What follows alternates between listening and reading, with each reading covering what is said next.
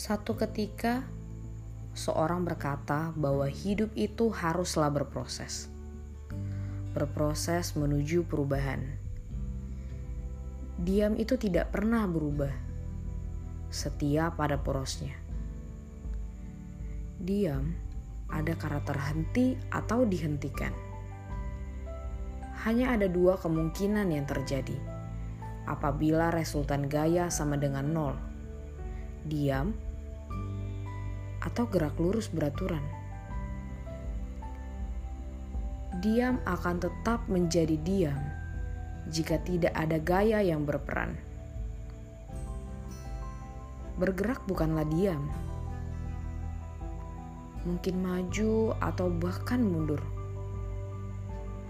tapi bergerak jelas tidak terhenti pada zona nyamannya.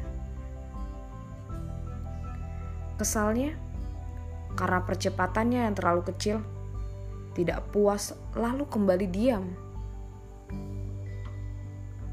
Tapi percayalah bahwa usaha akan selalu berbanding lurus dengan jarak tempuh dan kualitas diri.